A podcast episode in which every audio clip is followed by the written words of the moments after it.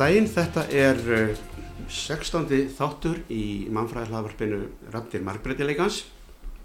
Ég heiti Kristján Þór Sigursson og nú ætla ég að ræða við uh, tvo mannfræðinga, Gunnar Þór Jóhannesson og Katirinu Önnu Lund sem að starfa við rannsóknir á ferðamennsku og ferðamálafræðum og hérna er nota svona mannfræðilegar nálganir á það. Þau eru nýbúin að gefa bók sem ég ætla bara að auðvisa hér og mæla með gefin út af hérna háskólaútgáfinni og félagsvísista svið er ekki? Jú. Jú. Og þetta er bók sem heitir Áfangastæðir og hún er bók nr. 2 í réttröð sem að heitir Í stuttumáli sem að er, er hérna réttstýrt af hérna honum Ólafi Rastrik, er ekki?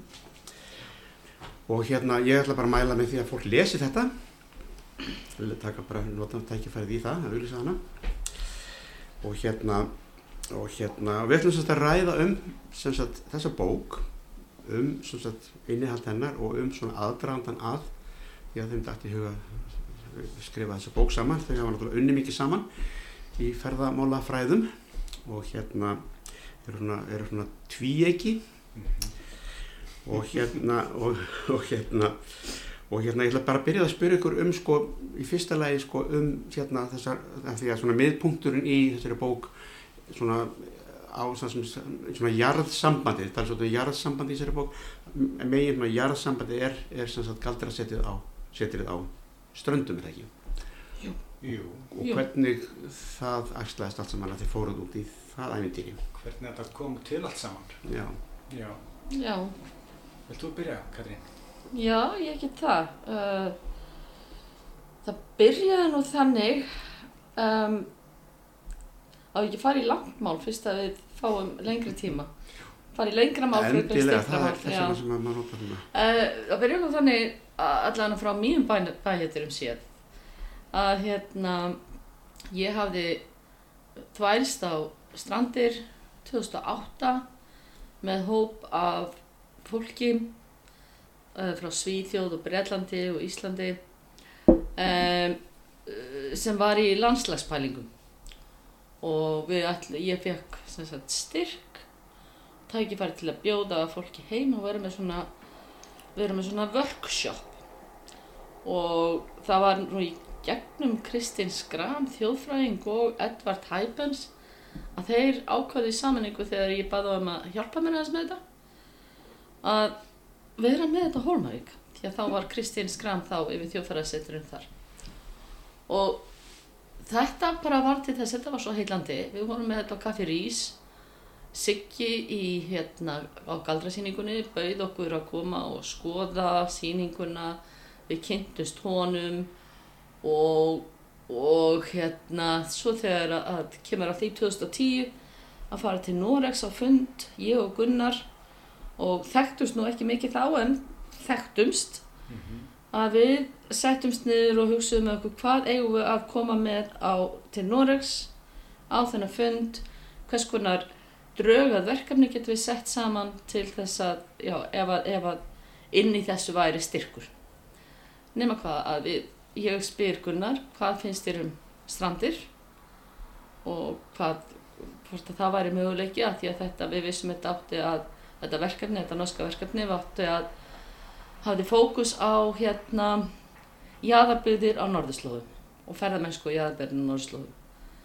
Og Gunnari fannst þetta bara svona bráðgóð hugmynd Nú svo bara kom styrkur út úr þessu og þá þurftum við að setja okkur í samband við meðal annars Sigurd Allarsson sem að var þá orðin tengiliður. Eða þú veist, hann var alveg augljóst mála, hann var þarna með galdrasýninguna sem hafði heitlað alla sem voru að ferðast þarna með mér 2008 og mig og, og það var bara spurningum það þá að byggja hann um að vera taka fyrstu skrifin í aðstóð okkur. Sem að bara var til þess að 2011, í byrjun 2011 vorum við komin að stað með verkefni og vorum þar meira og minna næstu tvö árin og síðan eitthvað aðeins lengur alveg til 2014 Var þetta þessi frægi Hafragröts og hérna Silungsfundur? Já, það var fyrsti fundurinn okkar Það var fundurinn sem innsækilega þetta samstarf sko. Og hérna var frábær hafragrautur sko. þó sé ekkert mikið fyrir hafragraut almennt sko. en hérna, hérna Þetta var, uh, fór hægt af stað og eða þannig, ég meina við bara, getum við sagt kannski, það var svona hóvægt rannsónaverkefni, það var ekkert neitt gríðarlega miklu peningar í þessu, við Nei. vorum tvö í þessu, uh, gáttu svo ráðið til okkur aðstofa fólk um, á og til, bæði gegnum verkefni en svo líka aðra styrki. Já, og svo var hún Guðrún Þóra Gunnarsdóttir uh, sem er núna fórstuðumæður rannsóknarmiðstöðar ferðamála. Uh, þá hún var að vinna með okkur í um tíma á svæðinu. En, en, en svo vorum við náttúrulega í samtali við aðra aðila sem voru að vinna í Nóri og Finnlandi kannski að mestu en líka í Norður Ameríku en í þessu alþjóðlega verkefni og það var mjög gaman að spegla sko staðis og strandir við sko önnur jaðarsvæði eins og í hérna norður Skandinavíu, Alaska og, og, og víðar sko. Um, en við erum alveg hilluð og hérna og eins og Kata var að segja sko, við kannski vorum mest að vinna þarna hvað, sumarið 2011, 2012, 13 mhm, en svo höfum við alltaf komið aftur aftur að þessu sko. Já, og að þessu gögnum. Og, um, og þessi bók er kannski svona síðasta útspilið og það var kannski ekkert endilega ætlunin til að byrja með að Nei. þetta ætti að vera bók um strandir og kannski hugsaum við ekkert, ekkert endilega þannig. Ekki einu sinni með við vorum að skrifa þetta en við ákvaðum einhvern veginn að, að við myndum nota strandaransóknuna okkar til þess að emitta hjartengja eins og þú segir Já. að hafa komið dæminn þaðan Mm. og af því að við áttum þetta efni við vorum búin að skrifa alveg ógrinni upp úr þessari, þessari rannsóknarverkefni þannig að einhvern veginn þá láða beint við við höfðum ætlað uppalega að taka svona uh, kannski dæmi úr mismunandi rannsóknarverkefnum um, já, en við ákveðum að láta bara strandirnar vera þannig að því að það er það, það, það er gott verkefni það, það Uh, já, og líka bara viðirhandi. Mm. Ekki síst út af þessum sko náttúru menningar svona samsuðu sem að, sem að ferðamennskan það byggir á, sem að er náttúrulega stór hluti af, eða sem sagt, eitt kapli alveg í bókinni er um, um sem sagt, Mm. samtfinnu náttúru og menningar og hvernig ekki er hægt að aðskilja þetta tvenn Mm. Sem að er svo sýnilegt í, í, í hérna í, á ströndum, í ferðamennsku ströndum. Ekki síst að því að uppalega var galdrasýningin sett fram til þess að skapa menningatengda ferðarþjónustu á ströndum. En það er svo augljóst mál að, að, að þessi, þessi menningatengda ferðarþjónusta er enga megin aðskilin frá umhverfinu og, Mm. og því sem að, að því að þetta, þetta er svo, þetta hefur svo mikla rætur þar ef við getum sagt sem svo Mhm. Já, og það er líka því takkið það fram þarna þegar að tala um um hérna sem fyrir kannski betur í þessa hérna, þessar hérna kenningalegu nálganir mm -hmm. þessi intaksíkja sem á sér rættur í positivisma og, Mhm. og upplýsingunum því öllu saman þessum, rationalisma Mm sem eru nýra náli í mannlegri hugsansaldið Já. og hérna svo áttur á móti þessi tengslaheikja sem að gengur út á sem sagt, að þetta hangir allt saman en er aldrei kjört Já.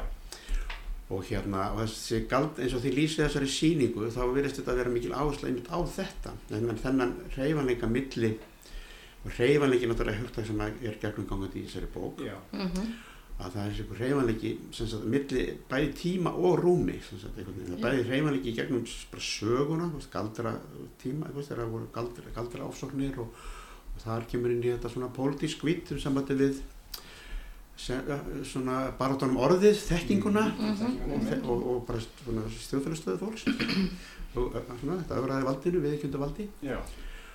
og svo náttúrulega bara galdrar sem náttúrulega bara samtal við náttúruna og náttúröflin sko, eitthvað döli náttúröfl sko Mhm. það leynast bæði náttúrunni og í okkur Já, tilurinn mannsins til að hafa áhrif á náttúruna og, og, hérna, og duttlungu hennar sko. það Já. er bara kemur mjög vel fram þarna í þessari sögum eða þeim, þeim sögum sem eru dregnar fram á sýningunni Mm. og, og hún er alveg náttúrulega bara æfintir út af fyrir sig sko. sýningin sem slík en, og mér finnst hún kristallega þetta sko, eins og þú veist að lýsa Kristján mjög vel sko, þessum hérna, kannski átökum sem áttu sér stað. Það eru átökum með mitt hver var skilgreina sannleikan og, og allt það. En svo snýst þetta líka bara um sko veralleg átök og, og valda barattu mm, aðila mm, sem kannski skýrir út af hverju einhverju leiti allavega út af hverju við fáum galdramál hér á Íslandi svona miklu setna heldur en mm, víðast hvar í Evrópu. Um, þannig að hérna, það er mjög áhugavert og svo hvernig þetta tvinnast þá inn í sko upplifin fólks á svæðin í dag mm, sem við getum að nota ferðarþjónustuna sem svona speil mm, til að rýna í að hérna, það er mjög áhugavert og, og einhvern nátt sko fannst okkur gaman til dæmis að sjá hérna, hvernig fólk er að lýsa sko upplifin sinna á svæðinu. Og það, það mm, sko greip oft í svona lýsingar á, á svæðinu væri sko töfrandi, það væri eitthvað svona mystíst, það, það væri göldrótt þú veist. Mm, og hérna þannig að það var svona kannski búið að fara á sýninguna og, og þetta var svona og það var svona yfirfærið það á landslæð Mm. og það þannig sko kannski flyktast þetta saman einmitt bara í mm, sko því að ferðast um að iðka ferðamennsku eins og við Mm. erum svolítið mikið að tala um líka að reyna að útskýra það hvað við meinum með því mm, að, að hvað er að iðka ferðamennsku en það hérna þannig, þannig svona kannski flyktast þetta saman bara í í praxisnum sko. Mm. og hérna gaman að, að fylgjast með því. Svo er það svolítið að bera saman líka sko svona sjónar því líka, líka það er ákveðið þetta sem þið noti, noti líka sjónarhorn í flertur flertölu. Þið voru svolítið að bera saman líka svona sjónarhorn gestsins sem sagt, sem sagt uh, ferðamannsins. Og það er bæði innlendi ferðamann og ælendi ferðamann og svo aftur á móti heimamanna á þetta allt saman Já, og hérna, einmitt, og það er bara aftur kannski, sko, hérna, bara áhugavert að að reyna að fylgja þessum þráðum, sko, veist að, hérna, og þá, veist að maður re reykjum svolítið til dæmis þessa sögu svæðisins uh, á, frá því að vera, sko, kannski á jæðrinum og svo færist að miðju, til dæmis í gegnum samgöngubætur og, og, og slíkt, sko, og er svo aftur komið á jaðar jaðar inn í dag Mhm. að einhverju leiti kannski það að breytast aftur núna tíu ára setna ég menna við vorum alveg 2011 en hérna það er náttúrulega búið að st- strandir eru búið að tölvöld umræðinu síðan þá mm. þannig að hérna en sko sjónaþórn fólks sko íbúa ég meina draga líka fram að það er alltaf þetta samspil sko hérna samtíðar við fortíðana Mm. það er ekki, þetta er ekki svona klift og skorið sko þannig að Mm. hérna við erum alltaf hluta af einhverju sko já einhverju svona eh, þetta er eitthvað svona mess sko þetta er, þetta er bara þetta er hrærigrautur, sko. Þetta er hrærigrautur. Já. Og ég held að það sé tilfellin með alla ferðamannastæði mm. og í sjálfu sér alla staði, Mm. hvort sem það er ferðamennska eða ekki. Þetta er svona, ég meina staður, staður er í sífælt í mótun Mm. og, og hérna, og það, það er náttúrulega því að, að sko, fólk, hugmyndir og fyrirbæri er að ferðast til og frá stað og innan staðar og, Mm. og þá náttúrulega það er það sem mótar stað og það sem að og það sem að þá á það ekki síst við um ferðamannastað sko, eða áfangastað Mm. Það er svo að þau segja þetta í bókinu að staður er rými sem öðlast merkingu já Já, í gegnum aðtapni sem fólk Mm. á í sko. Og, og Mm. við erum aldrei sko, einsömmul, þetta er þetta alltaf í ykkur samhengi og, hérna eins og við segjum með tengslahyggjuna að hérna sko öðrum þræði erum við alltaf að skrifa þessa bók til að svona miðla okkurum hugmyndum sem hafa ekki síst sprottuð sko innan mannfræðinar mm. svona síðustu 20-30 árum um tengslahyggju og, og, og svona aðild sko meira en mennskra geranda Mm um, að þessu öllu saman um, þessar hugmyndir eru miklu nýleiri sko eins og í ferðamálafræðum og við erum svolítið að miðla þeim Mm. uh, þannig og, og það er eitthvað sem er held ég bara uh, mikilvægt að, að, að reyna að ná fram sko. Já, ég hafði svona ekki það að ég sem er fróður um sögu ferðamálafræði á Íslandi Mm. ég hafði svona tilfinningu þegar ég list að þeir var svona svolítið að að hérna gaggrína svona, eða bæta við gaggrína svona eða fara kannski fram á einhverja endurskoðun á nál- ferðamálafræði og hvernig bara ferð, ferðamál ferðir og ferðalög, hvernig þetta er sérna bara skoðað og skilgreint. Já, já og, og þá erum við ekki bara að tala um hér í þessu, við náttúrulega kannski einblínum svolítið á það sem er búið að gera á Íslandi. Mm. en, en ég held þetta sé svona viðtekið í ferðamáli, þetta er ný grein, þetta er, jú, náttúrulega jáfnvel ekki hægt að tala um hana sem grein því að hún er samsviða af svo mörgu. En eins og oft þegar að að greinar eru nýjar þá eru þar viðkvæmar. Og, og þá er leitað í sko tól og tæki sem að eru svona, ef maður setur gæsalappir á vísindalega viðurkend Mm. og hérna en, en nú er, hefur orðið mikið gerjun undanfæri ár í ferðamálafræðinni. Og það má segja að sé að koma fram ný kynnslóð Mm. sem að, að, sem að er að reyna að stokka upp og segja við, við verðum að taka þetta lengra. Við verðum að horfa á þetta frá fjölbreyttari sjónarhóðnum við verðum að horfa á ferðamálin sem samfélag, samfélagslegt fyrirbæri og menningarlegt fyrirbæri en ekki bara eitthvað sem að hefur hagrænt gildi eða eitthvað sem að hefur uh, sko áhrif á það er mikið talað um þetta ennska orð impact Já. sem að er felst, fel, felur í sig mikla neikvæðni Mm. og það er svolítið mikið það sem að hefur verið gert áhrif, þess það impact Mm. uh, áhrif ferðamannsins á náttúru Mm. og þá erum við yfirleitt að tala um náttúru spjöll Já, og, uh, uh, ágang það er kannski frekar Já, það sem já, að þetta ágang, impact, já. ágangur Já, einmitt, og það er svona er svolítið í því sko, svo hugmynd að ferða mennskan sé einhver staðar utan við okkur, sko, sé einhver staðar annar staðar Já. og svo Mm. kemur hún og tölfræði. hefur áhrif á okkur hún dettur á okkur hérna, sem er kannski ekki, Þetta er svona tölfræði bara. Já, já, ég meina, og svo felst í þessu líka þetta við og hinir já. Mm. hann getur gert það og þetta er, ég veit ekki að segja eins og, hvernig það segja, veist að, hérna, ég meina, þetta er ekkert sérstætt fyrir íslenska ferðamálafræði eða fyrir ferðamálafræði út af fyrir sig, þetta eru viðurkendar, eða hafa verið viðurkendar, hérna, aðferðir og svona þekkingafræði og við erum kannski að reyna að svona bæta við Mhm. og, og draga fram að það má líka hugsa þetta öðruvísi og Mhm. hérna og, og hvað það, það gæti þýtt sko. Já, þið talið nefnilega um að þessi fræði, þessi, þú veist þetta sé ekki, ekki gömul fræðigrein, en hún hegi svona, hún hafi eigi rætur í bara náttúruvísitum, sem, sem svona pos- positívísk fræði um, um hérna, já, komið þaðan, kannski fyrst og fremst, er ekki, en svo síðan sé, sem sagt, uh, er komið nýtt fólk sem er að reyna að tengja þetta við tengsla hyggju og sem sagt við bara, við, viðara samhengi og við bara menningu og samfélag og, og, og benda á að þetta er ekki, þetta er ekki einhver hlutur eða tölur eða hlutur sem að, þetta er, sem að er bara einhvers vegar þarna hlutur Mhm. sem við getum rannsakað eins og döðan þosk Nei, ekki Og- alveg og eigum ekki að gera því að Nei. við erum fyrirgeðu við erum sko að rannsaka jafn huglaga hluti og upplifanir mm. og, og, og þú veist ímislegt því líkt og þá viðþorf uh, tengsl uh, já hvernig, hvernig er hægt að setja það inn í, gera það að breytum til dæmi sko, Mm. einhverjum brey, mælalegum breytum Mm. þess vegna verðum við að nálgast þessa við verðum að nálgast þetta á annan hátt Mm.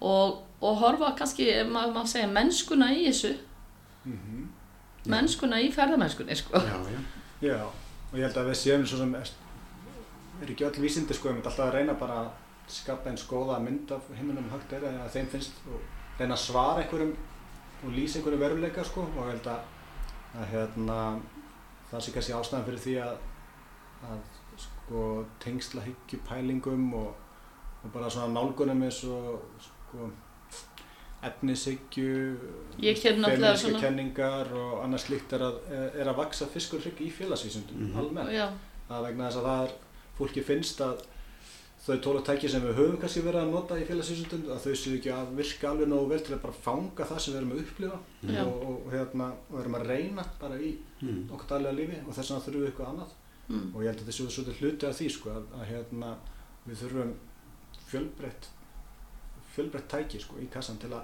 Mm. fást við þá þetta svo náttúrulega kannski finnst þú okkur líka að hérna að sko ferðamennskan er bara svo óbúslega áhugavert vegna þess að viðfórsefni vegna þess að hún svona dregur svo margt fram sem er bara svona almennt sko, sem er ekkert endilega eitthvað túrisma neitt tengt heldur bara segir svo margt bara um okkur sjálf Mm. já, það er kannski svolítið þinn að eins og Dean McCallnell sagði á 8. áratögnum sem að var svona einn af þessum fyrstu í, í, í fræðunum sko, kemur úr, hann kemur úr félagsfræði og hann talaði um það að hérna ferðamaðurinn væri nútímamaðurinn per se Já. Já. Mm. og ég held að það sé bara heilmikið til, til í því þó maður hafa nú nussað yfir því hérna á einhverju tímabili sko, þá er hann náttúrulega bara verða svolítið ekki algengur afturkallin en, Mm. Já, svo má náttúrulega ekki gleyma því að við hérna, þessi skreitna vera, homo sapiens, við náttúrulega höfum það sem að er okkur öllum samægilegt, á svona kannski einstökum veru þáttum mest að við höfum alltaf verið að ferðast. Já. Algjörlega. Við erum svona homo mobilis, við erum alltaf á flakki og búin að vera það alla tíð. Það er þess vegna sem að ég er að segja þetta með sko hvernig staðir verða til í Já. gegnum reymanleika. Já, og ég var að, hérna búin að vera að lesa bókina hérna, þessi kannski ekki beint og þó, hérna Dawn of Everything hann, þetta Einmitt. greipir þá. Mm. Þar er, eru þið búin að sína fram, eða forðlega frá því að sínt fram á það að bara á steinöld, sko, forð steinöld, að þá hafi fólk sem sagt á í Evrasíu sem sagt, Evrópu og Rúslandi og allir, allir þeim landmassa hafi ferðast allar þessar vegalandi fram og tilbaka með alls konar hluti sem voru ekki endilega nýtja hlutir Nei. Sem að voru bara og þeir bara svona, eins og þeir bara er að geta sér til bara svona fyrir forvinni sæki við ætlum að fara að hitta fólk sem er hérna 3000 km í burtu og gefa þeim hérna þessar skeljar. Mm og gá hvað það segja svona, þetta bjóða okkur ekki og það byggist, byggðist líka á einhverju svona mjög víðtekur svona ættakerfi sem gera það að verkum að þú hafðir alltaf tengsl í Mm. félagum félagum sviðum, þannig að við, þetta hefum við alltaf gert. Já. Já, já, ég minna eins og þú segir, reymanleikin er ekki nýtt fyrirbæri, hann er bara komin í annað samhengi með tækni framförum nútíman, sko. Og, Já, já. og ég meina það er ekkit langt síðan, en maður, það fer eftir hvernig maður horfir á tíma, en við getum alveg sagt og það er alveg hægt að halda því fram að það sé ekkit langt síðan að, að föst búsetta var normið, sko. það stöð síðan, Mm.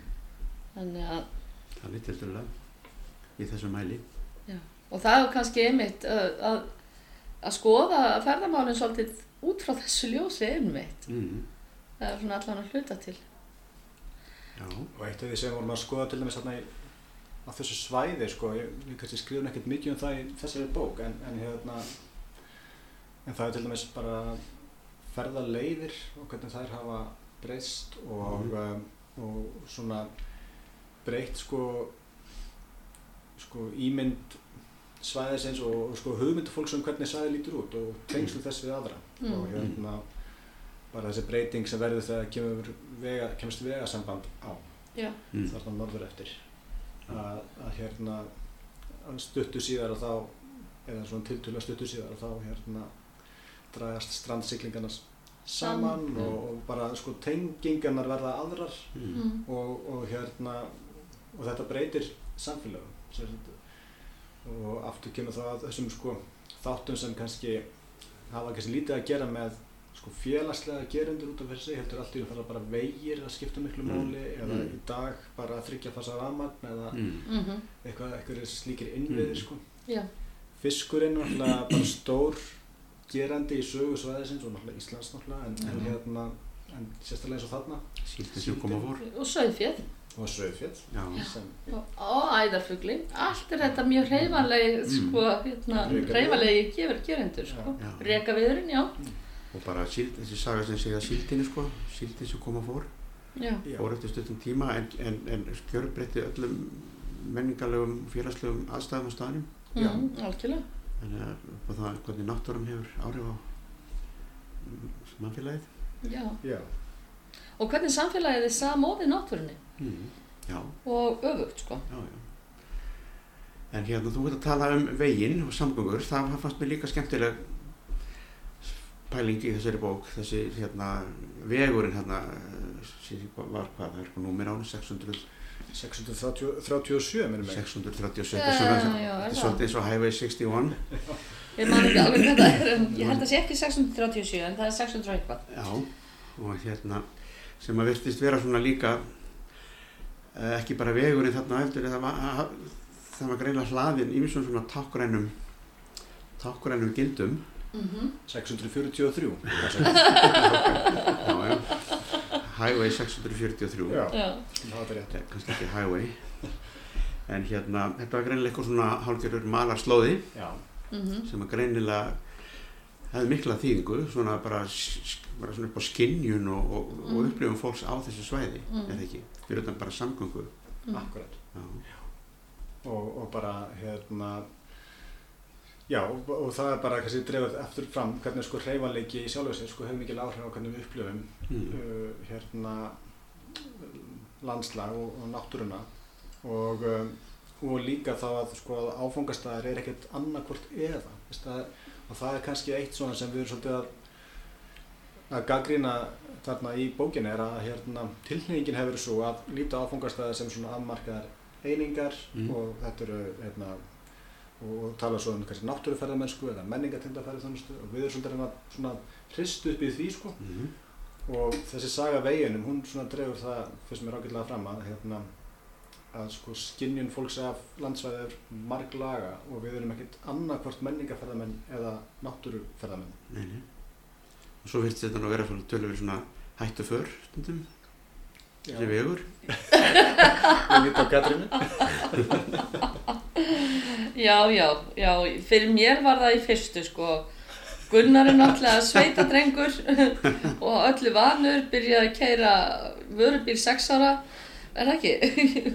Jú. Ég mátti kannski ekki segja þetta nú eru farið í fóröldræðina en hérna en, en, en hérna mér ég þurfti að halda mig svolítið í og lesa á skiltin fyrir Gunnar sko Mér finnst alltaf það að lesa á skilti fyrir hérna þann sem keirir bara svo hann viti að þú veist að það er að koma 20 beigja og, og, og svo Einmitt.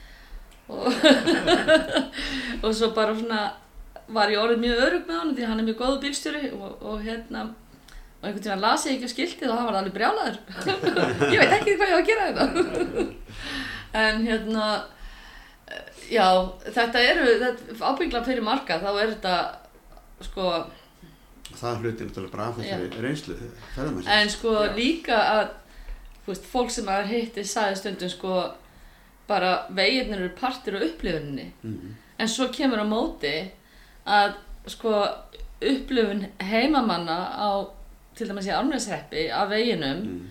yfir vetuna þegar var lokað frá janúar fram í mars af því að vegagerðin syndi ekki veginum á þessu tímabili það er nú búið að breyta því núna að hérna að þeir eru lokaðir inni Mm. og hvað, fluga einu sinni viku og það gæti náttúrulega bröðist þannig að Þannig að það er hægt að fljúa. Já, það var, og það er flug, já. en það er náttúrulega fyrir vistir sko Já. En þetta er náttúrulega, einmitt, sko vegur er náttúrulega þannig að þjóna þessu hlutverki, sko, ja, fyrir fólk sem býr á svæðinu, sem náttúrulega samgöngutæki, sko, bara Já. tengja saman A og B, en, Mhm. en fyrir fólk sem er kannski þarna í skemmtiförðum sumar, að, að það var þetta líka svona hlut af upplifuninni og, og Mhm. einmitt þess að fólk var að lýsa, sko, það er bara Já. svo að keira inn um fortíðina. Mm. Og hérna, sko, og, og það sem við erum að skoða svolítið er að þegar, náttúrulega þegar vegurinn kemur, að þá er vegurinn hins vegar tákmynd sko nútímans fyrir fólk á svæðin, fyrir íbúa Já. svæðin, þá er þetta stórkostlegt sko framfæriskref. Mhm. En sko 60 árum síðar að þá er þetta orðið táknum það að hafa verið skilin eftir Já. Og Mm. vera bara först á jæðrinu já, Mm. og eiginlega glemst sko. og hafa glemst á hérna- jæðrinum já. Og þannig að hérna, þannig vegurinn sko sem út af fyrir sig er bara ótrúlega áhugavert sko rannsóknar sko viðfangsefni Mm. sem Já. svona átakapunktur sem Mm. átakapunktur og, og, og líka sko hva, hvernig, hvernig sko hann hefur marg, margs konar merkingar í hugum fólks, það fer eftir hvernig hún nálgast hann Mm. og hérna þannig að hann er bara vegurinn sem slíkur er svo mikill gerandi Mm.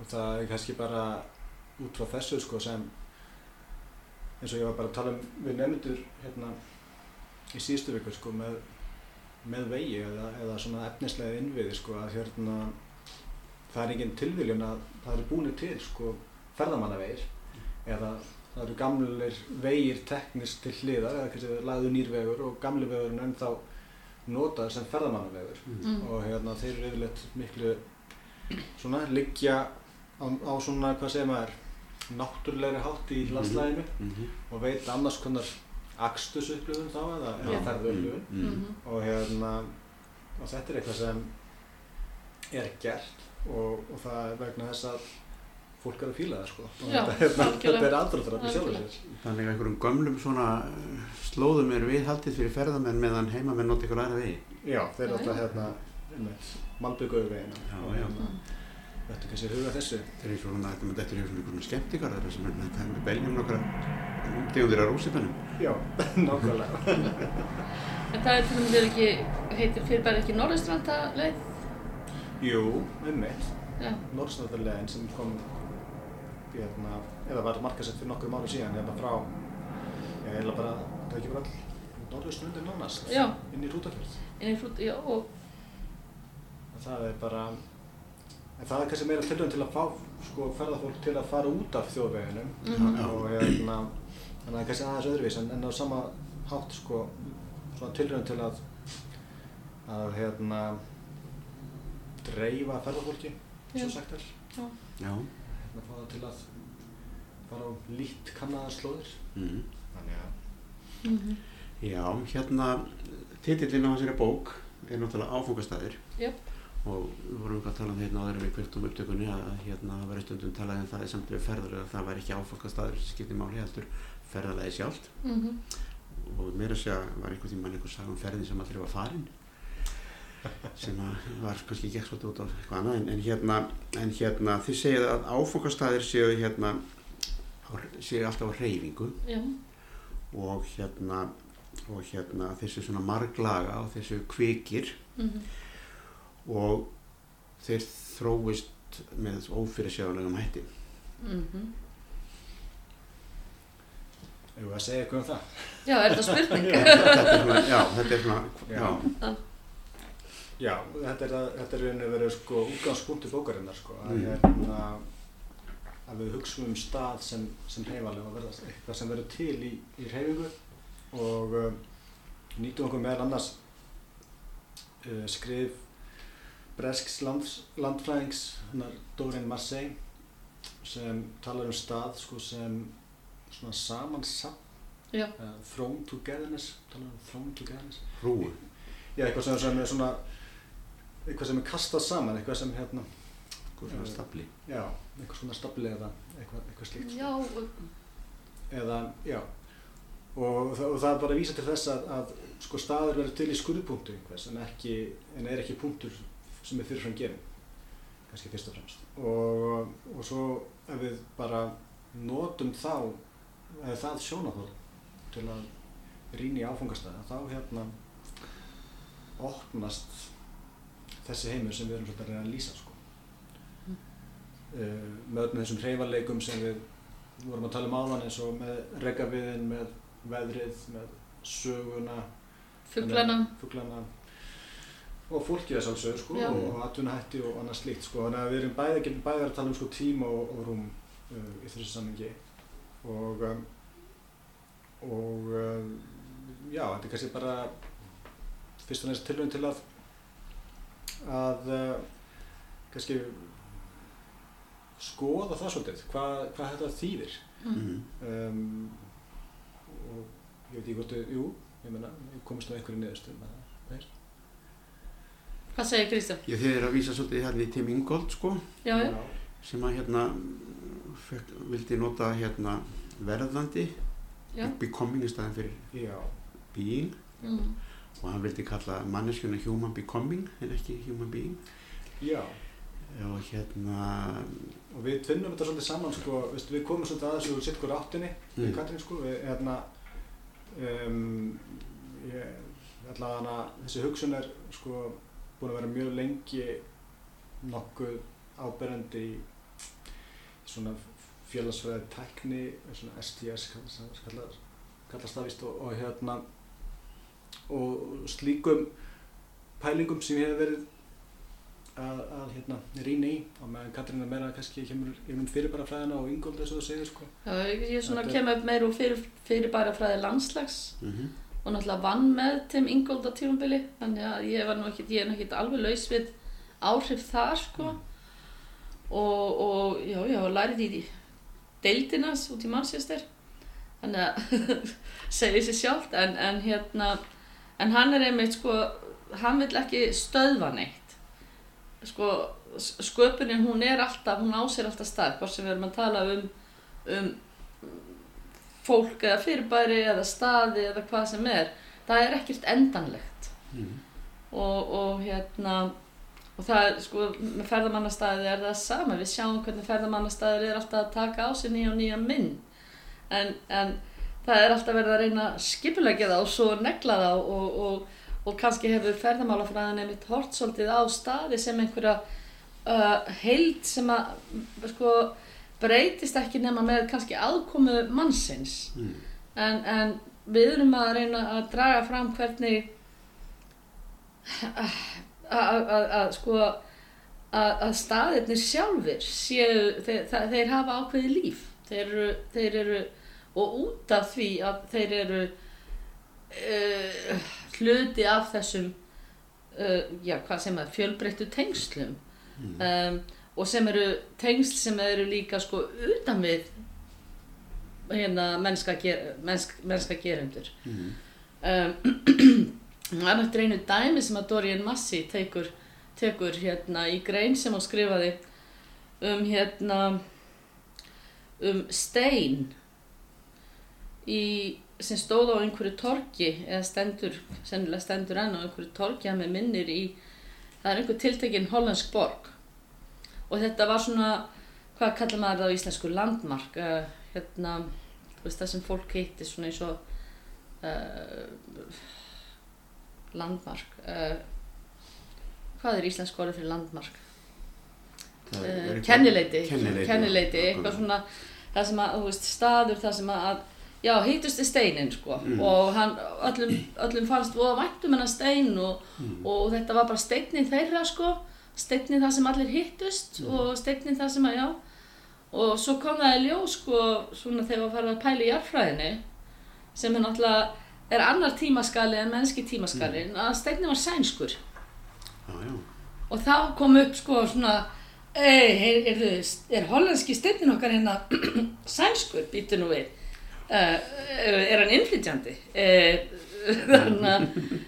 er hann gestur? Eða hva, hvað er hann en hérna, þannig að, að sko Ferðasteinn, kannski. er bara ferðasteinn þannig að þessi, þetta landmark sem stilt var allt í einu bara einhver innflytjandi já, og aðskotarlutur.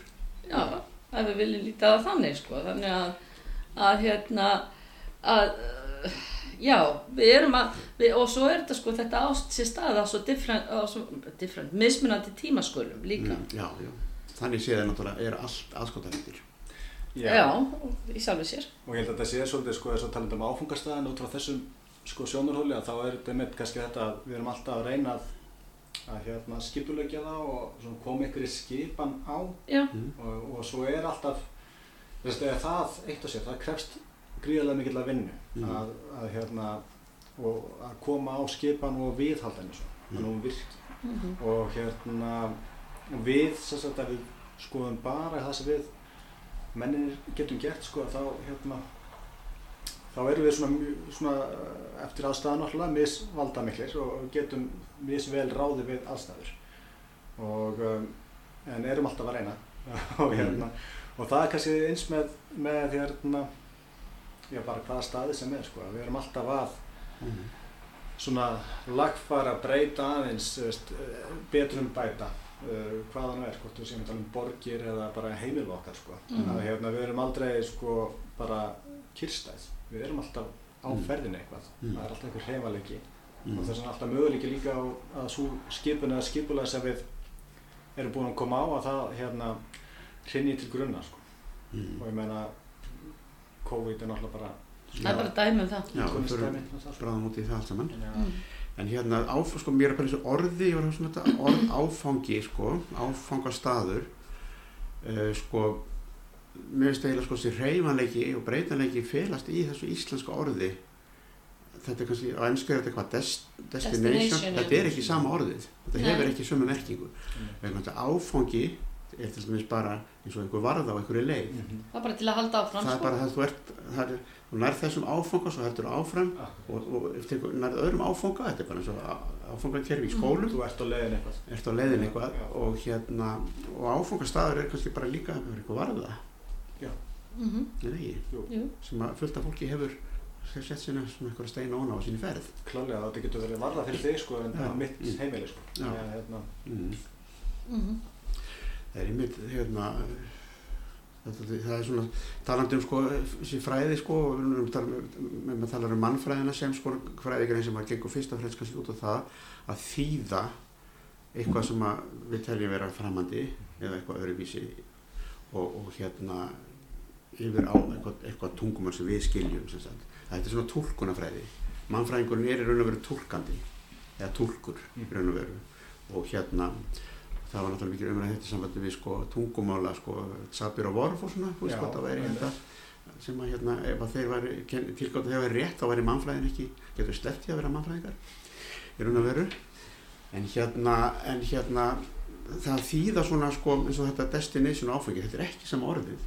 Og það er slatti af svona hugtökum eða orðum sem eru notuð sem að þýða og svo er þetta þýtt yfir íslensk orð þýðir bara ekki að sama og, við, og hérna svo ég fara aðeins svona út, kannski ekki út fyrir strandirnar þetta er bara haldið mig við strandirnar. Bókin hans hérna Bergsteins Mhm. Birgissonar, þannig að lifandi lífsleikur sem bara er mjög skild, bara skild bók. Mhm. fjallar svolítið um það sama. Mér finnst borg- bókin hans Bergsveins skemmtilegri, ég verð að segja. Já, en hann, er, en hann er svolítið að fjalla um svona svipa hluti, sko, hann er að tala þarna erum við með sko, upplýsinguna, positivismann og svo galdrana og mystíkina og náttúruna. Að hérna að hérna, það myndi mér svona svolítið á það sko og hérna og þar er hann að tala um sko, þetta gengur svolítið út að fara út úr sko hérna, sem heitir ennsku civilization Já. Mhm. sem hefur verið einhverjum óskiljanlegum ástæðum þýtt sem siðmenning á íslensku Mhm, mhm. vegna þess að við sem mannfræðingar vitum það að í öll mannleg samfélag hafa menning, búið við menningu Mhm. og hafa siði öll mannleg samfélag bú, er, búið yfir siðmenningu já. og civilization því er bara svona borgarmenning Já, já. skilja, þetta er bara tótali vittla stýring En þetta er náttúrulega bara eins og með menningarhugtakið sjálft, sko. Kultúr náttúrulega næri við miklu meira heldur en menning. já, bara að, og, og, og, og hérna, þú kallar, germ culture. já, já, Þá varstu bara að já, já, rækta bakteríur, sko. Já. já, já þetta var svona smá út út og mér finnst þetta samt að skipta máli þegar við erum að reyna að koma einhverjum svona Mhm. svona eh, í gegnum einhverjum hugtök sko koma einhverjum hugmyndum á framfæri þannig að þau skiljast, það skiljast hvað við erum að tala um Mhm. Og Ég held að það sé bara mjög mikilvægt og ég með hérna það sem maður reykur sér alltaf á þegar maður reynir að, að skrifa um svona fræðitekst á íslensku er að eða oft alveg þá hérna áttan með að segja á því kannski að hérna að kannski sá skilningu sem að hafa á einhverjum ennskum hugtökum að er, er hérna kannski ekki alveg svo rétti eða allavega það, það skerpist oft á hann þegar maður virkilega fer að reyna að koma það yfir Mm. á íslenskt mál Mm, mm. og skrifa það niður. Mm, og hérna, maður hef, hefur kannski skilning eða og Mm. skilnjar hugtaki í einhverju samingi sem maður er vanur að vinna með en, en það er öðruvísi og Mm. hérna, það er gríðulega mikilvægt. Auðvitað náttúrulega því það líka að textin stundum er svolítið svona styrbusalegur sko. Íslenski, að mann, mann finnst það. Uh, en á heimbóðin þá kannski líka bara mikilvægt að reyna sko að skrifa þetta á íslensku mm, og hérna búa þá til ný hugtök eða Mm. taka hugtök og nota þau í aðeins öðruvísi samhengi. Mm, við, við erum, erum til dæmis mikið að reyna að tala um veruleika í fleirtölu. Já, við vildum já, að já. tala um veruleika í fleirtölu sem að, að prófarkarlesurum okkar fannst ekki alveg nógu gott þannig að þeir vildu hafa útgáfur af veruleikanum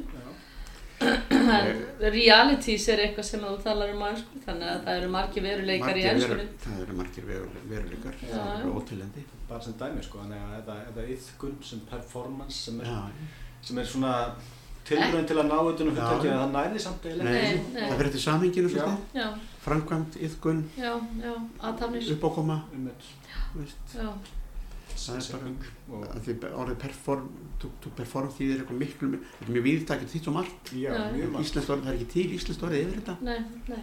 Eiginlega sem er- er svona stýra saman En við rákum okkur á ímislegt sko þegar við vorum að en ég finnst þetta nú bara vel og garði gert sko. ég, að, sko. ég var ekki að tala um þetta út af þessari bók sko. Nei, nei, nei. En þetta situr svolítið í okkur. Því þetta var mikil vinna. Já, já. ég voru að pæla í þessu á- orði áfungastæðir og áfangi sko. Já, já, en það er líka góður vingill, eitthvað sem ég hafði reyndar ekki hugsað út í, en þetta er mjög góður punktur. og er einhverju undirbyggja það sem þið er að tala um já, Já, já, við ættum kannski að benda nefndum okkar á þetta. já. mm. að eftir þennan áfanga þá kemur bara annar áfangi. Já. algjörlega, never ending. En svo er annað sem að hérna þið talaðum í þessari bók sem er náttúrulega eitt af því sem er svona liggur þungt á heimsbyðinni, það er náttúrulega þessar afleiðingar hérna þessara koronaviru sem er búið að vera núna semst að þriði ár Mhm.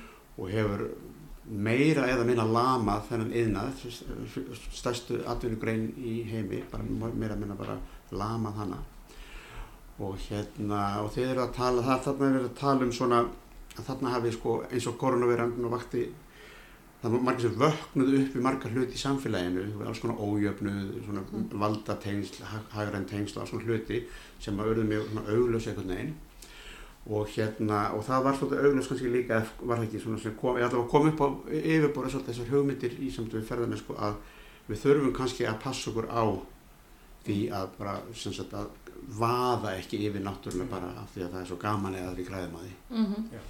og ég held að hérna, við ræðum þetta svolítið sko með hlistaðana við sko loftlagsbreytingar og Mhm. loftslagsvána Mm og hérna uh, sko það vita allir í raun og veru þeir sem vilja vita allavega uh, sko hvað við þurfum að gera -hmm. til að fast við það og, um, og, og svona við reynum að hérna, koma okkur undan því að, að taka sko raunverulega ábyrð á, á því um, sko koronaviru faraldurinn er einhverju leiti bara líka svona annað annað svona wake up call sko að hérna Mm. við erum búin að ganga á langt Mm. uh, og hérna við getum allan að tólka það þannig Mhm. með mjög góðan rökum og, uh, og það, það sem er merkilegt í því er að að hérna það sýnir sig bara að það er bara mjög auðveldlega hægt að koma böndum á hreyfanleika það er mjög auðveldlega hægt að stýra og stjórna sko ferðamennsku og Mm. taka bara pólitískar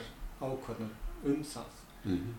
uh, og og, og hérna sko það er mjög, verður mjög spennandi að fylgjast með því nú á næstu árum, áratöfum sko hvernig, hvernig umræðan um svona hvernig við ætlum að takast á við sko stöðugan vöxt, vöxt ferðarþjónustunar og hvernig ætlum við kannski að stýra honum Mhm. hvernig hún muni þróast það er með þess að nú bara getum við sagt við, við getum ákveðið að hérna loka landinu hvis það er hægt, það virkar Mm.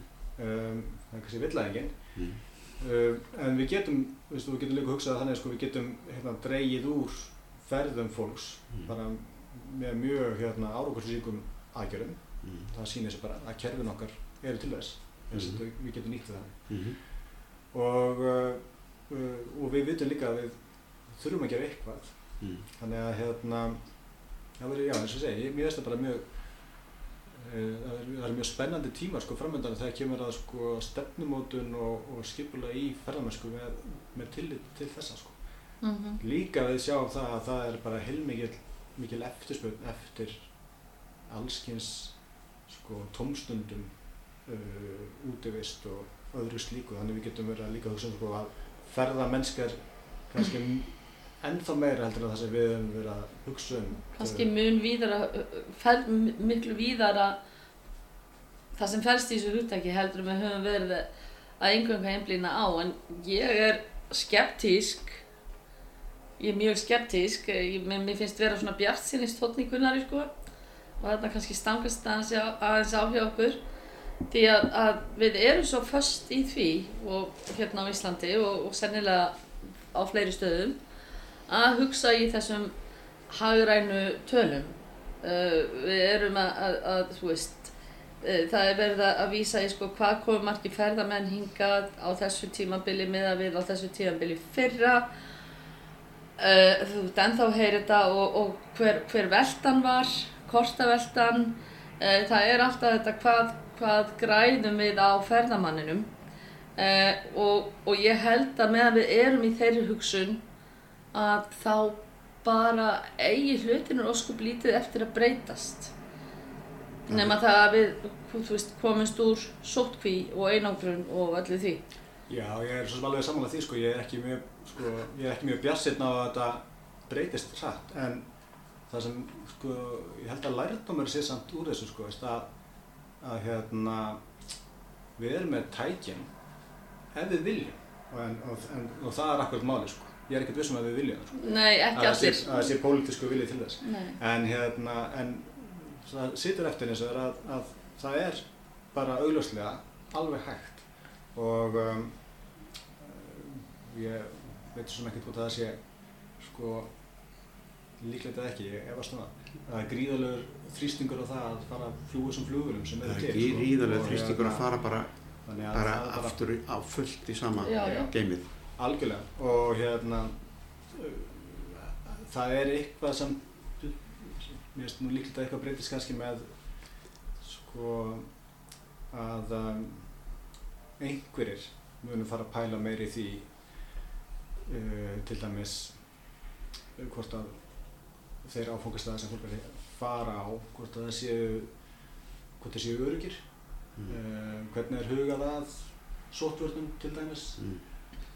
Allavega til skamstíma Mm. En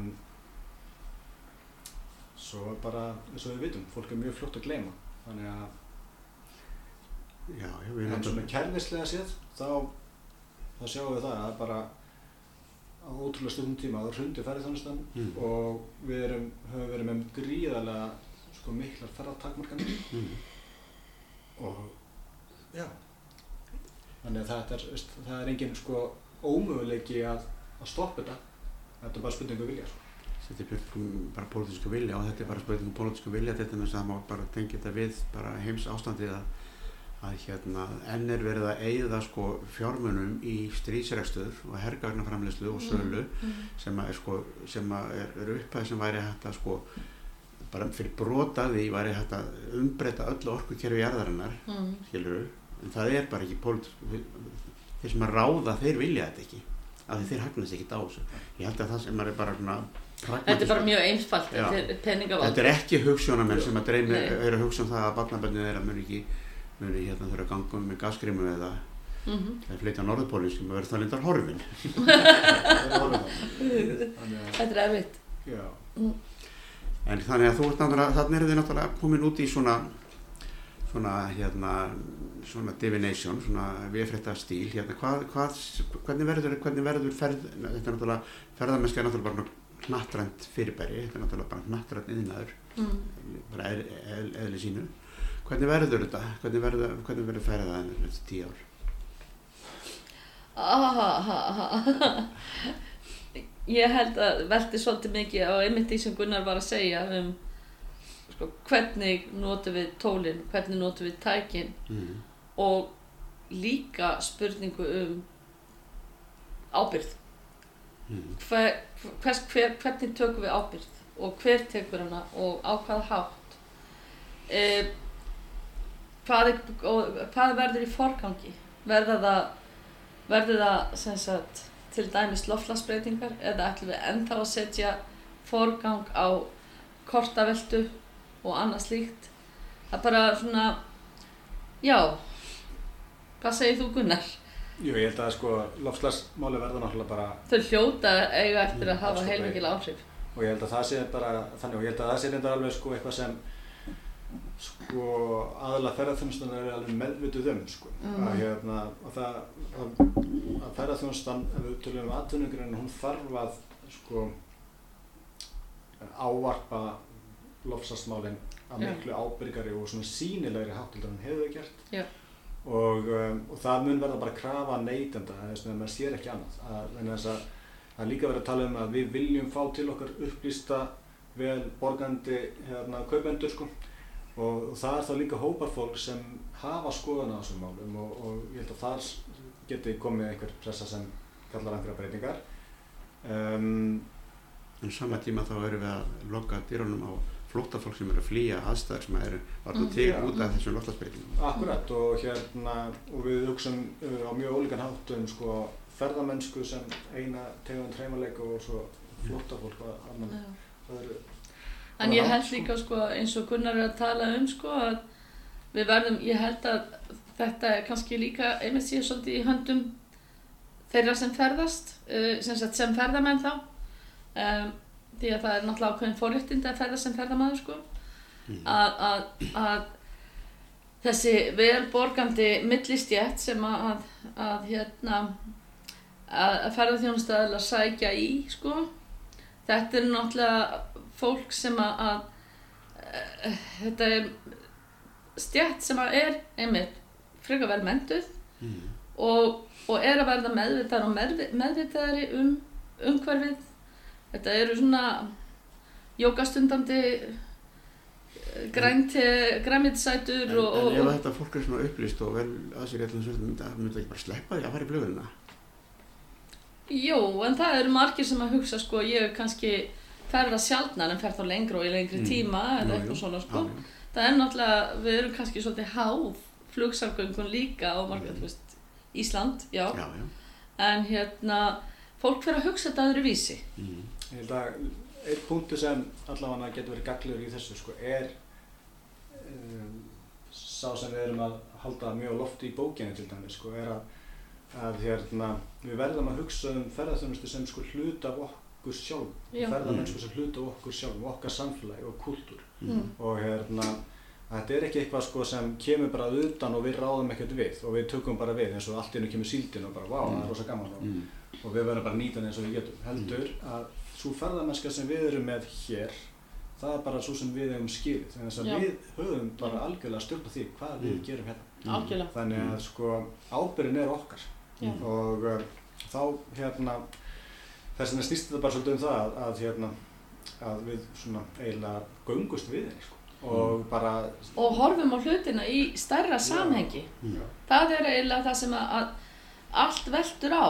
Og með því að horfa á hlutin í sama í stærra samhengi þá getur þú eitt möguleika og séð, já, séð möguleika sem kannski gangi ekki ein, engöngu út, út af það að vaksa Mm. heldur að, að skapa gæði eða skapa, skapa betri sko hvað getur maður sagt betri, betra samfélag betra samfélag betra, betra, já, betri stað betri, já Mm. og hérna þannig að það verður allt svo einstefnulegt þegar það er bara verið að fara í eina átt með því að sjá ferðamennsku sem tekilind Já, já, það verður bara business. já og það er kannski það sem við erum svolítið mikið að leggja áherslu á eða allavega hér Já, Já. en ég menna auðvitað er þetta líka þannig að, að sko hérna eins og nú ætla dæmið okkar á ströndum snýst mikið um galdrasýninguna og, og, og Sigurður Allarsson heitinn, ég menna við hefum líka fjallað um hann og hans starf sko svona í þessum ramma lífstíls frumkvöla sem er þá kannski eða sérst vísa til frumkvöla og frumkvöla starfs sem hefur ekki engungu að markmiði sko að háma- hámarka sko ágóða eða gróða en sko það er heldur ekkert neitt rosalega skýr skil á milli sko hins hagrana og hins menningarlega Nei. eða business og eitthvað Mm. annars þannig að sko ferðamennskar er sjálfsögur business líka sko Mm. og það er bara það er bara þannig þú En þarft að hérna- hafa salt í Já. það er bara Það er það líka business. það, já, þannig að hérna en, en að það þarf að vera eitthvað jafnvægi og, og náttúrulega bara svo mikið að tala um bara hérna svona sanngirni sko í Mm. öllum Mm. Mhm. og öllum stegum sko Mm. þannig að Mér finnst bara, sko, þú sagðist vera skefti, sko, ég er þannig líka. Mhm. Og ef maður tekur, sko, allt þetta sem að COVID, því COVID-tími hefur affjúpað, kiptir náttúrulega teppin ofan á allir samfélags og valda og, og, og, og auðkerfi heimsins Mhm. og, og affjúpað það hversu grimmilegt það er Mhm. og, mó, og siðlaust og ójæft og, Mhm. og, og á þessum tíma hefur ójöfnur í heiminu vaksið meiri bara ég varna nokkuð tíma náður alltaf fleiri, alltaf sko færri og færri sem orðið ríkar og ríkari og fleiri og fleiri sem hafa orðið fátakari og fátakari Mhm. og, það, og þetta er náttúrulega þeir aðeins sem stjórna þessu öllu. Það er, það er enga vísbendingur um að það þeir hafi neina siðferðiskendis að gera eitthvað í þessu. Ég kem ekki auðvitað það. Þetta er svolítið, svona svartsýnis þrass en maður hefur ekki séð neinn eins og bara valdhafar á Íslandi sem er að tala um sko. Maður sér engin teikn á lofti frá ráðunitum í, á, í, sem að maður geti mögulegt ekki mark á um, um að sé nokkur pælingum um það að gera þetta öðruvísi. Er bara að býða eftir því að Þórulega segja það nú er enga takmarkanir. Það bara hlaupar að stað eins og be- beljur út á fjósa vorin sko. Já, sko, þú veist nú er þetta er svona svona, svört sín já, þetta er svona stór yfirlýsing. Ef ekki að segja bókið sé skemmtileg. En sko ég held reyndar að sko það sem hefur breyst ég, ég, hefna, ég, til dæmis rannsaka svolítið sko stefnumótun, sögur stefnumótun í ferðarnustu Mhm. og hérna uh, það sem er núna efst á blaði er það uh, hjá stjórnvöldum Mhm. er að íslensk ferðarþjónusta er að vera leiðandi í sjálfbærni árið 2030 Mhm. það er eftir 8 ár Mhm. og sko þannig að það er allan að koma einhver rammi og sem er þá hægt að nýta til að sko rýna Mhm. hvað eru þið að gera Mhm. til að ná þessu markmiði sem þið settu sjálf niður Hvernig ætlið þið að gera þetta? Já, og, og hérna og það held ég sé þá sko meðal annars okkar hlutverk Mm. uh, fræðifólksins Mhm. að veita aðhald og sko stuðning þá líka við það að Mm. Hérna ná þessu markmiðum sem eru mjög um, hvað segir maður, þau eru bara mjög háleit Mhm. Það er metnaðargjörn. metnaðargjörn og uh, en ég held að allir getur verið sammála um að þetta verið frábært að myndu ná þessu Mhm. uh, það er ekki allir sammála um hvað þetta þýðir Þetta er ekki alveg fíknefnilist Nei. Ísland ára 2000 Mm, þetta er samt alveg næstu því þar Já, sko. já, Þannig að, hérna, og uh, ég held að það sé sko hvað hérna, nei akkurat og, og, en, en þetta er samt sko þetta er samt einhvers konar uh, stefnumið Mm. og, og það er gríðilega mikilvægt að sko stjórnmálafólki sé sko hafi sín sem það trúir á en auðvitað þarf það þá líka að sko sína svo að það geti unnið að þessari sín með Mm. svona einhverjum konkrétt Mm. aðgerð og, og það má ekki vera of langt hann á milli sko. Og, og ég held að það sé kannski það besta sem við getum gert sko, að, hérna, að viðhalda þrýstingi og samtali Mm. líka Mhm. um það hvernig ætlum við nú að gera þetta sem samfélagi Koma vitinu fyrir þá já og við menna það er bara svo margt sem þarf að, að ganga upp og, og við getum farið í þessu leiðir Mhm. líka Já, já. Já, Þannig En að, þið þurfa að vera svona ráðgjafa hlutverki í raun og veru. já, einhver leiti er það hlutverk okkar í já. háskóla samfélaginu Já. að hérna, Mm. vera gaggrínendur og Mm. ráðgjafar og Þetta kannski, allt þar að milli þetta er kannski Mm. reyna, spurningum að reyna að opna, opna á ný sjónarhort, sko. Mm. En þegar það kemur að, að, að hérna, þegar það kemur að, sko, þessum hægrana þætti, þá er það ofta hansi erfitt. Ég meina, Já, það er ráðandi sjónarhóttnið. ég, það er ráðandi sjónarhortni og það er líka, já, það er það. Ég hef stundu verið að hugsa um það sko að, hérna, að þessi kynnslóð, þessar kynnslóðir sem að eru við sitja á vald, valdastólum núna, að hérna er bara einhvern veginn alin, fæðist inn í og alin upp einhver heimsmynd sem hún hefur ekki bara kapacitet til þess að hugsa þetta. Ég held að það sé svolítið málið á einhvern nýjan hátt. Þið er að tala um einhvern ný sjónarhátt sko. Mhm. sko sem er frábært í bókinni, ég er ekki að en ég er, ég stundum verið að pæla í því gerist nokk, hvort að nokkuð gerist í þessu fyrir en að þessi kynslu sem er núna millir 20 og 30 Mm. hún kemst til valda í áhrifastöður að eitthvað fyrir að breytast það er, það er kynsluðin sem að mun þurfa að fá þetta allt í hausinn Skilurðu? Já, það er bara um eitt Spurning. það er það sem ég er að bara, ég treysti þessu liði ekki ef ég var alveg hreinskil.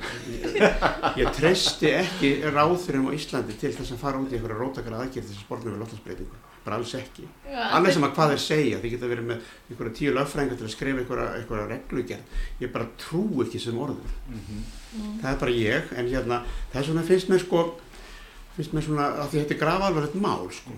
og það getur líka eins og er að tala um sko, ferðamengar getur líka verið ákveðin vettfangur til þess að efla þessa vitund Algjörlega Mm. um Algjörlega. verndun náttúrunar og um, um, um, um. Algjörlega, já, mjög góður já, og er mikið notaður nú þegar sko. og hérna en, en því miður oft í, í svona þessu samingi sko, svona last chance tourism sko, að fólk er að koma hinga og upplifa jökla að það er bráðna og hérna en þá læri fólk líka mikið um um hérna hlínunjarðar og, og annað Mm. slíkt sko. Og það er bara eitthvað sem er í gangi nú þegar Mm. þannig að hérna en þetta er náttúrulega bara er, að einhverju leiti er þetta kannski líka alltaf sko ástandið myndi ég halda sko okkur finnst stjórnmálamenn hvers tíma alltaf vera stjórnmálamenn fortíðarinnar eða ekki Jú, en, sko en auðvitað svo er þetta kannski líka mjög hraða breytingar sem er að eiga sér stað akkurat núna eða svona eh, við stöndum fram fyrir gríðilegum svona eðlisbreytingum á bara samfélaginu í ljósi að- Já, al- algjörlega, algjörlega, sérstaklega annar staðar út í hinn stóra heimi, sko. Já. algjörlega. En hérna, áfangar, við vorum að tala um áfangar, sko, þetta er náttúrulega, sko, mér dætt akkurat í höfður að tala um þetta, að, að sko, nú verður það svona tourist attraction, sem sagt, blánandi jöklar, Mm. Að hérna, einn mjög mikilvægur áfangi í þessu, þessari sögu, er, var náttúrulega þegar óg hvarf. Mm Það var náttúrulega bara útför, Já, það var bara sorg, útför og sorg, -hmm. þar voru ykkur túristar þar ekki, útlendingar og jú, jú, jú. Já, já, þetta, þetta er svona er þessir áfangar. Já, þetta er einmitt. Sem eru sorgleiri en já. og þetta náttúrulega vekur fólk til meðöðundar um, um þessa hluti algjörlega. ég bara pæli sko hérna það sem fólk talar um eins og bara hérna í Íslandi það sem fólk talar um að hugsa um ég var að lesa hérna bókin hans hérna hans hérna Andra Snæs. Snæs núna bara í fyrra um hérna tíman á vatnið sem er alveg frábæð bók sem fjallar bóstaf um þetta og þessar hugmyndir sem hann er, hann er að tala um þannig sem er svo þetta er svo flott gert og, og svona þetta er svolítið sorglegt líka sko. Þetta er svolítið bölsýnis Já, texti sko. Það er bara raunsær í raun og veru. Man verð, við verðum að vera raunsær að ætlum að glíma við þetta. Að hérna er eitthvað fólk eitthvað að tala um þetta? Tala um þessu bók? Er ég bara að tala um vístu ykkur aðra bækur? Bara Það er náttúrulega að koma aðra bækur sko, þannig að, Já, ég held að, jú, er fólk ekki ennþá að tala um tíman og vatni? Ég held það, ég heyri vísað í hana. Já, mögulega. En það gæti verið bara Ég að því ég bara- hlusta svo mikið á rás 1, þannig að, Já, ég meina við hlustum Það á, er rás eitt og eitthvað fólk hérna í háskólanum sko. já, Þetta er náttúrulega eitthvað, þetta er bara eins og Facebook, þetta er náttúrulega bara eitthvað, þetta er sko. bara eitthvað speil, speglasalur sko. já, já, En ég meina fólki sem er að vinna, þú veist, á, höf- út á, höfn, út á, á grandi, er á svo stóru vinnustöðum, þú veist bara, mm, er það að tala um þessa bók í kaffipásunni eða? ég veit það Um, maður verður ekki mikið var við þetta. nei, maður er ekki mikið varlega. Nei. En eins og þú Þetta er að meina, sko, þetta er einhvern veginn ekki, að að því við höfum það gott, þetta er ekki áþreifanlegt þetta hjá okkur og, og hvarf og dó Mm, og var jörðuð, mm, sorgleiri aðtöp, en svo bara hérst fólk áfram að, að næsta, Já. að næsta áfanga. Og það er kannski, það sem, einmitt, ég vildi svona, einmitt, kannski var að hugsa líka með sambandi við koronavirun, sko, að þarna, að þar er sko ógnin áþræðanleg og hún er núna. Mm. Og þess vegna gerðu við þetta, sko. Já, Og þá allt í hennu bara sáum við því að bara, heyrðu, við getum, við getum gert Þetta er hæg, þetta er hæg, Þetta er hægt. Við hægt. getum dreigðu neslu, við getum dreigðu ferðalöfum, við getum gert svo margt til að mm. sko laga Mm. uh, og hérna þannig að, þá er spurningin sko hvernig ætlum við þá sem samfélag að, að grípa það sko. Mm. En þegar ógnin er áþreifanleg eins og í tilfelli veirunar eða Mm, hvort það sé elgos eða eitthvað sko, Mhm. þá, þá alveg getum við ímislegt. En þegar hún er þarna eitthvað sem veist, við vitum að Snæfellsjökull hverfa hérna, við erum alltaf að vera að jarða hann hérna á Mhm. næstu 20 árum eða svo, Mm. ef, ef framheldur sem horfir, að, hérna, að þá er þetta bara óláttinu framtíðinu. já, já, já, já. Og þetta er ekki bein ógn, sko. Nei. Þannig að við höfum það alveg fínt, sko. já, við veitum ekki hvort þetta er bein eða, eða óbein opn, sko, það geti líka verið. Þetta er, hérna, þetta er...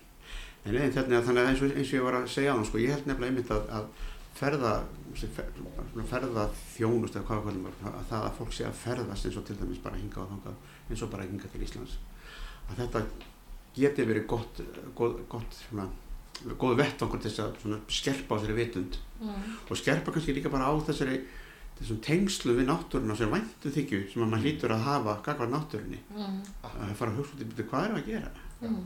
Mm.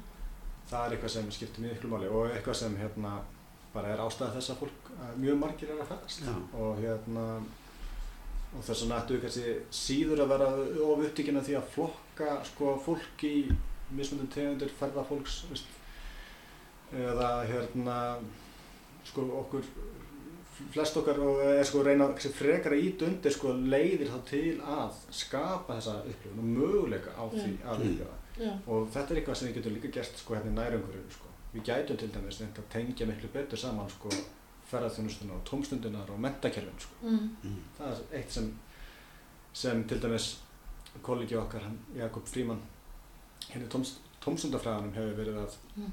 að hérna, skoða Mm að uh, akkur ekki að reyna að þá að ala svolítið upp ákveðna svona já, leið til að njóta náttúrunar mm. og uh, upplifa hana en Mm. þess að hún er líka kannski fyrir mörgum er hún að fjarlægast úr þessu svona dagstæðlega Mm. amstæð Já. sko. Mm. algjörlega Mm. að Þó færa við hana séum- nær okkur sko. Já. þó við séum sítengt henni svo já, þú veist þessi tengt henni Já. já, en það er þá náttúrulega sko sem eru sítengt svo sem gefur okkur ramagn og svo sem gefur okkur heitt vatn Já, og, já. Og Já, allt já. það sko en, en hérna en ég held að sko þessi tengslina hún er alltaf hérna einhvern veginn utan við okkur við förum út í náttúruna til Mm. þess að gera hluti í náttúrunni Mm. en við erum og það er það sem við kannski leggjum svolítið áherslu á í bókinni en við gleymum því að við erum Mm. við erum bara partur af náttúrun og náttúrun er partur af okkur Mm. sama hvar við erum, sami Mm. hvaða aðstæðum Mm. þannig að við erum í sjálfu sér alltaf sem í þessum meira en mennsku þessu meira en mennska sambandi við bæði, eða sem sagt við þessa náttúrumenningu ef við getum sagt sem svo Mm. um, þannig að hérna á þetta er einhver, einhver sjónarhótt sem verður að skerpa í þessu samhengi Já. held að sé ans, mjög mikilvægt að skerpa þetta sjónarhótt því að það til að, að- að gera okkur grein fyrir hvað náttúran eh, eh, já, hvað þessi náttúrutengsl eru sterk ekki bara að þú veist þegar við fyrir út í náttúruna heldur í okkar hverstagslega lífi. Já, svo náttúrulega kom, það kom náttúrulega fókus á þetta núna í já, þá kom náttúran til okkar. Heldur betur. Og leta okkur svona, svona resti sig aðeins. já og let okkur raski okkur þannig að já, eitt sumar. Ég fekk nú að kenna á þessu á, á mistrinu frá henni Já, já.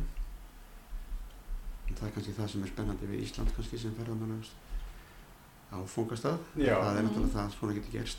já, heldur betur og ég held að þetta sé hansi mikilvægt also, líka í þessu samhengi sko að það er ófyrir sjáanleiki náttúrunar Mm. ok, það verður kannski ábyrrandi þegar við fáum elgós eða járskjölda Mm. eða Mm. vont veður eða eitthvað svoleiðis Mm. en ófyrir sjáanleikin getur líka falist í hennu litla sem að við sjáum ekki Mm. eins og steinunum í, í Hollandi sko, þessum sænska Mm. þannig að, að hérna að, að Barbara Bender hérna mannfræðingur og fornleðafræðingur sem er mitt svona uh, fór að vinna með þessa fyrirbarafræði landslags uh, þarna á nýjunda áratugnum að hún hérna einmitt talaði um það að náttúran bara lætur ekki stjórn Mm. það er alveg sama að hún, hún, landslag, hún segir landslag er bara óstýrlátt og ófyrirsjáanlegt Mm. og, og, og það er náttúrulega þess vegna sem að þessi landslagsfræði eru spennandi og skemmtileg sko. Já. Herðu, krakkar, þetta var alveg frábært og hérna, ég ætla enn og aftur bara óska til, til hamingi með þessa bók takk takk, takk og ég hvet alla til að lesa hana. Hún er mjög hérna, fróðleg, hún er gagleg, hún er ákveð ákall líka Mhm. mm og hún er bara mjög vel skrifuð líka. Takk að þið fyrir Þannig ég ætla bara að þakka ykkur kærlega fyrir þetta skemmtilega samtal. takk fyrir Takk, spennið. takk